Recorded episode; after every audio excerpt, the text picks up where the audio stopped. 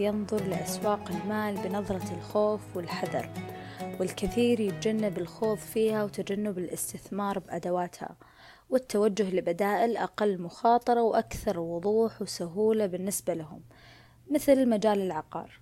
في حين أي أحد فينا اتخذ قرار دخول سوق الأسهم وقرر يصير من المستثمرين فيها أكيد من أول الأسئلة اللي طرحناها على أنفسنا وش أشتري سهم؟ أو في أي قطاع أو وش السهم اللي راح يحقق لي أهدافي الاستثمارية ويكون مربح ومستقر؟ طيب كيف هي سمعة الشركة ووزنها بالسوق؟ هل هي ممتازة أو لا؟ وكثير أسئلة مشابهة لها في سبيل التحوط من المخاطر واختيار الخيار المناسب.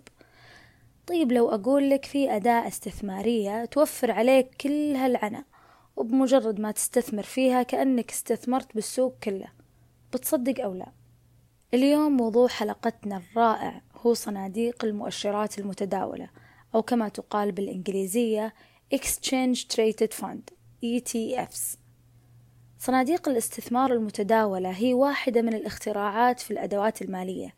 ال ETFs يتم تداولها ببساطة مثل الأسهم في السوق المالية أو البورصة.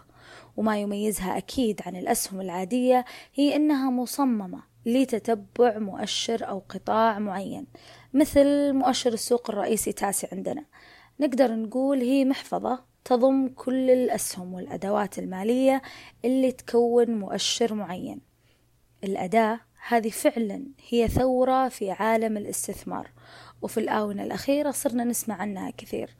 وآخر الأخبار اللي كان يعتبر خبر منتظر من قبل الكثير واللي هو أنه صار للبيتكوين صناديق استثمار متداول. وهذا الخبر له أبعاد كثير راح توضح الفترة الجاية. طيب وش يميز هذه الأداة عن البدائل الاستثمارية الأخرى؟ راح أذكرها لكم في نقاط مختصرة بعض الشيء. التنويع والمرونة. أكيد مرت عليكم جملة لا تحط كل البيض بسلة واحدة.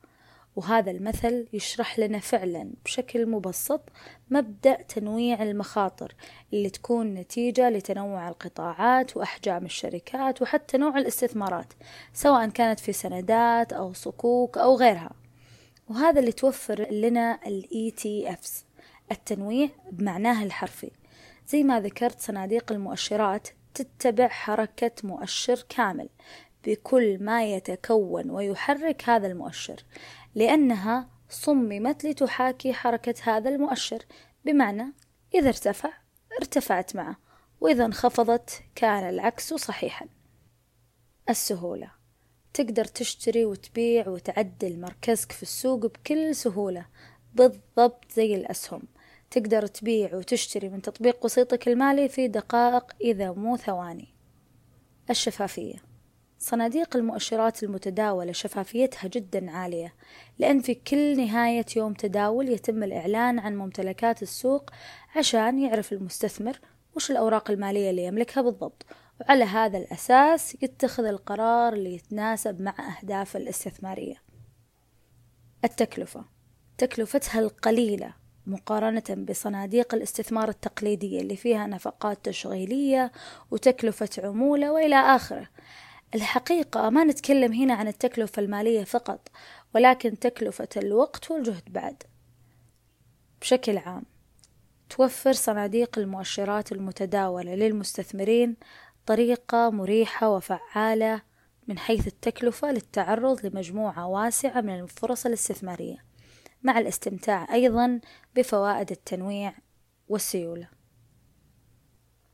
طيب السؤال الأهم. كيف نحقق الاستفادة القصوى من هذه الصناديق؟ نرجع لمفهوم التنويع مرة ثانية. مهم جدا التنويع لمحفظتك الاستثمارية التنويع بالقطاعات الأدوات الكميات. وترى ما في نوع واحد من الصناديق بمعنى بمحفظتك ممكن يكون في أكثر من صندوق. عندنا بالسعودية في صناديق مؤشرات فعلا مثيرة للاهتمام. تقدرون تشوفونها وتقرؤون عنها بالتفصيل في موقع السوق المالية تداول. راح تكون مذكورة لكم أهم الصناديق عالميا بالوصف مع معلومات مختصرة عن كل صندوق. ممكن تكون لكم بداية جميلة لهذا العالم الرهيب. طبعا زي ما ختمت الحلقة السابقة موضوع صناديق المؤشرات المتداولة وصناديق الاستثمار عموما ممتع وواسع. إذا مهتمين تقدرون تشوفون بعض المصادر في صندوق الوصف اللي ممكن تكون بداية لكم أنكم تبحرون أكثر في هذا العالم. شطحة حسبة بدو هالمرة أراهن أنها بتكون الأفضل في تاريخ البودكاست كله. بتكلم اليوم عن موسم الرياض عشرين ثلاثة وعشرين. في كل سنة وكل افتتاح للموسم هيئة الترفيه تأكد لنا بارت أغنية الموسم. يوم قال راشد الماجد تخيل بالرياض صار اللي ما قد صار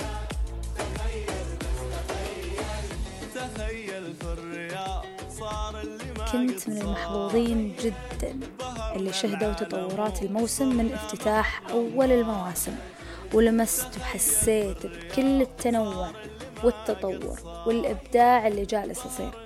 أعرف كثير ناس مفوتين عليهم التجربة الفريدة من نوعها هذه في زيارة هالموسم الجبار. أحب أقول لكم بمجرد أول زيارة لكم يصير الموضوع عادة سنوية ولا راح تندمون أبدا. اللي خلاني أتكلم هالمرة عن الموسم هالسنة هي الفعاليات الرهيبة. فعاليات الموسم ما شاء الله ما تخلص وكل يوم يتم الإعلان عن حدث وفعالية أفضل من اللي قبلها.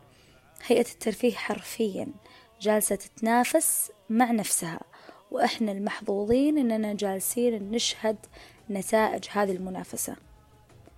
الرياض أصبحت وبكل جدارة الواجهة السياحية الأولى بالمنطقة وهذا مو رأيي بل رأي زوار الموسم اللي تخطوا الملايين. إجازتك في نجد العذية من واقع تجربة لازم تكون شهر وطالع ويا دوبك تلحق على كل شيء. ما بأطول عليكم لأن لو تركت لي المجال الحلقة بتكون ساعتين وكلها عن الموسم.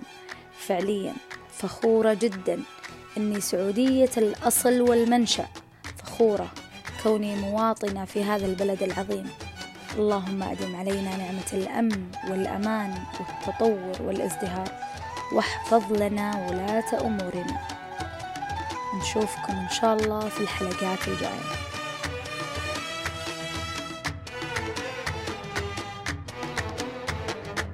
ما لحد منا الله اللي عزنا. ما لحد منا